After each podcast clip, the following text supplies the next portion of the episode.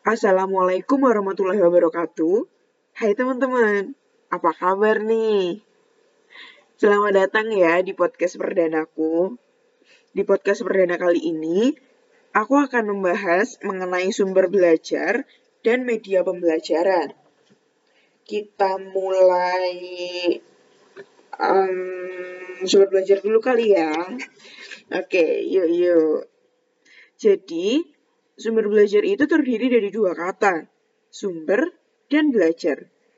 Kata sumber berarti sistem atau perangkat media yang sengaja diciptakan atau disiapkan dengan maksud memungkinkan siswa untuk belajar. Yang kedua tadi kata belajar. Kata belajar, kata belajar itu hakikatnya adalah proses perubahan tingkah laku ke arah yang lebih baik, ke arah yang lebih sempurna, sesuai dengan tujuan tertentu yang telah dirumuskan sebelumnya. Kalau digabung jadi apa ya? Jadi, sumber belajar adalah segala sumber baik itu berupa daya, data, orang, lingkungan, dan wujud tertentu yang digunakan untuk mendukung proses terjadinya belajar mengajar yang lebih efektif dan efisien dengan tujuan mempermudah peserta didik dalam mencapai tujuan belajar mengajar yang dicapainya. Nah, macam-macam sumber belajar itu ada dua teman-teman. Yang pertama, sumber belajar yang dapat dirancang. Nah, sumber belajar itu sumber belajar yang dapat dirancang itu um, dibuat secara khusus atau dikembangkan sebagai alat untuk memberikan fasilitas belajar yang lebih teratur dan bersifat formal. Jika sumber belajar yang dimanfaatkan yaitu sumber belajar yang diperuntukkan khusus untuk keperluan pembelajaran dan keberadaannya dapat ditemukan di sekitar kita yang dapat digunakan untuk proses belajar mengajar. Jadi ada dua ya, sumber belajar yang dapat dirancang dan yang dapat dimanfaatkan. Nah, teman-teman, bentuk-bentuk sumber belajar itu yang pertama ada pesan. Pesan itu berupa informasi yang dikembangkan oleh komponen lain dalam bentuk fakta, gagasan, data, dan ide. Contohnya seperti ah, materi yang disampaikan oleh Bapak Ibu guru atau Bapak Ibu dosen kita. Selanjutnya ada orang. Orang ini menyampaikan pesannya. Contohnya ya seperti guru, dosen, narasumber, atau ahli. Selanjutnya ada bahan. Bahan ini um, sesuatu yang mengandung pesan untuk disampaikan kepada para pendidik dan kepada para peserta didik dengan menggunakan alat dan terkadang barang itu susah atau barang itu sudah merupakan penyajian. Contohnya film, gambar, candi, slide PowerPoint, dan cerita buku bergambar. Selanjutnya ada alat perlengkapan. Alat perlengkapan ini merupakan barang-barang untuk menjelaskan pesan kepada peserta didik. Contohnya ya radio, komputer, VCD, DVD, TV, dan papan tulis. Selanjutnya ada metode atau teknik atau pendekatan. Benar semua kok. Nah, uh, metode, teknik, dan pendekatan itu adalah langkah-langkah yang digunakan pendidik untuk menyampaikan pesan kepada peserta didik Contohnya seperti diskusi bisa, ceramah juga bisa, tergantung dengan materi yang akan disampaikan. Nah, yang nomor 6 atau yang terakhir adalah lingkungan, di mana pesan diterima untuk peserta didik. Contohnya di kelas, di taman, di perpustakaan, di studio, atau di aula gitu. Sekarang kita beralih ke fungsi sumber belajar fungsi sumber belajar versi aku dari sumber yang aku dapatkan itu ada tujuh teman-teman. Yang pertama, meningkatkan produktivitas proses belajar mengajar. Yang kedua, merangsang pemikiran peserta didik dan perkembangan secara individual. Yang ketiga, dapat lebih memfokuskan materi yang disampaikan oleh guru atau dosen. Yang keempat, memberikan dasar lebih akurat terhadap pembelajaran. Yang kelima, memungkinkan belajar secara spontan atau seketika.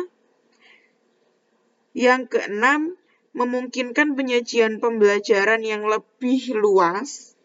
Dan yang ketujuh atau yang ke atau yang terakhir dapat membantu masalah tentang pendidikan baik dalam da, baik dalam lingkup kecil ataupun lingkup besar.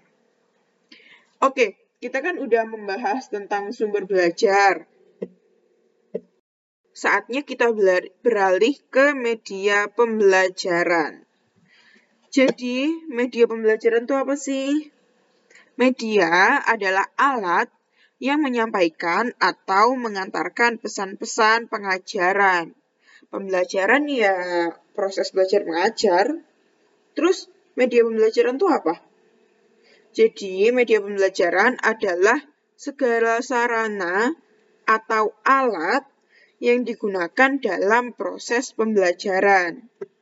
Nah, macam-macam media pembelajaran versi aku dari sumber yang aku dapetin itu ada banyak sih. Ya udahlah ya, kita bahas satu-satu. Yang pertama ada media audio. Media audio ini sangat erat kaitannya dengan indera pendengaran. Nah, kalau dilihat dari sifat pesan yang diterima, media audio ini dapat menyampaikan pesan verbal atau pesan bahasa lisan atau kata-kata dan pesan nonverbal atau bunyi-bunyian dan vokalisasi. Contoh media audio itu seperti radio, tape recorder, telepon, atau laboratorium bahasa. Nah, yang kedua ada media visual. Media visual itu adalah media yang hanya mengandalkan indera penglihatan Fungsinya ya untuk menarik perhatian, untuk memperjelas sajian ide, menggambarkan fakta yang mungkin dapat mudah untuk dicerna dan diingat jika disajikan dalam bentuk visual atau penglihatan.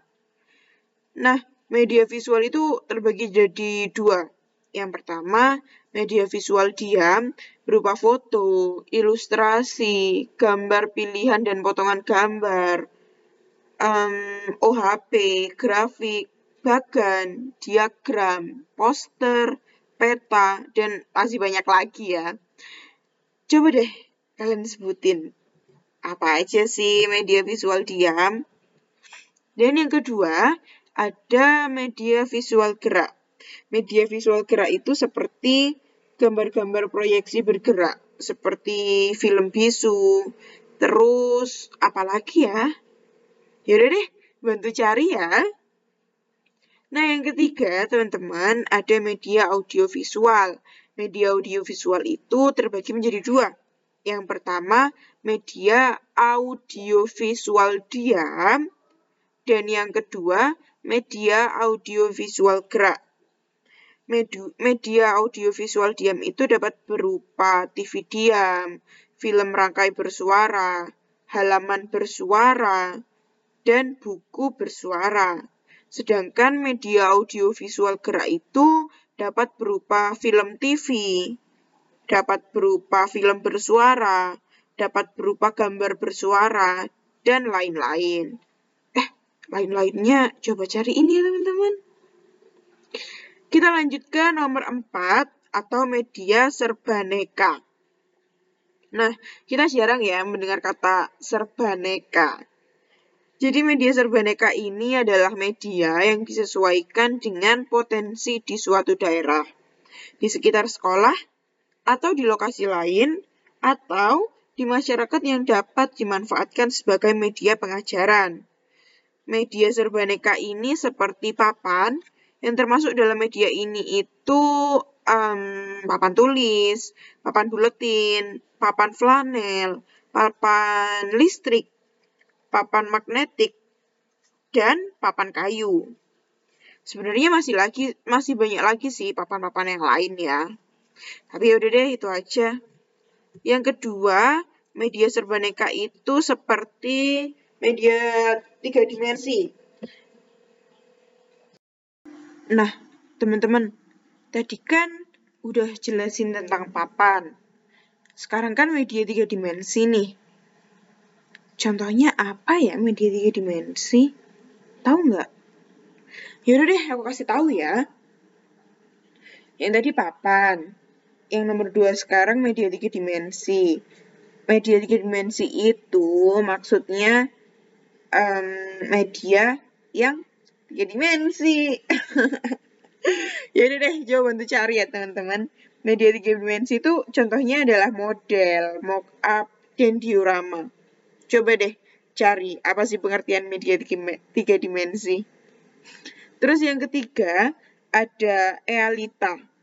Realita itu adalah benda-benda nyata seperti apa adanya atau aslinya. Contohnya ya memanfaatkan relit. Misalnya guru membawa kelinci, guru membawa burung, guru membawa ikan, atau dengan mengajak siswanya langsung ke kebun sekolah atau ke peternakan sekolah. Nah, yang keempat atau yang terakhir dari media serbaneka adalah sumber belajar pada masyarakat. Di antaranya ya dengan karya wisata dan berkemah. Selanjutnya, kita next ke macam-macam media pembelajaran, yaitu gambar fotografi. Yang nomor berapa ini ya? Nomor 5, benar.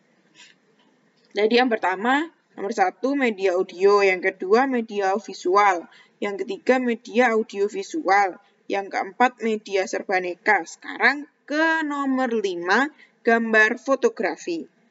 Gambar fotografi ini diperoleh dari beberapa sumber, misalnya dari surat kabar, lukisan, kartun, ilustrasi, Nah, foto yang diperoleh dari berbagai sumber tersebut dapat digunakan oleh guru secara efektif dalam kegiatan belajar mengajar. Yang keenam, teman-teman, ada peta dan globe.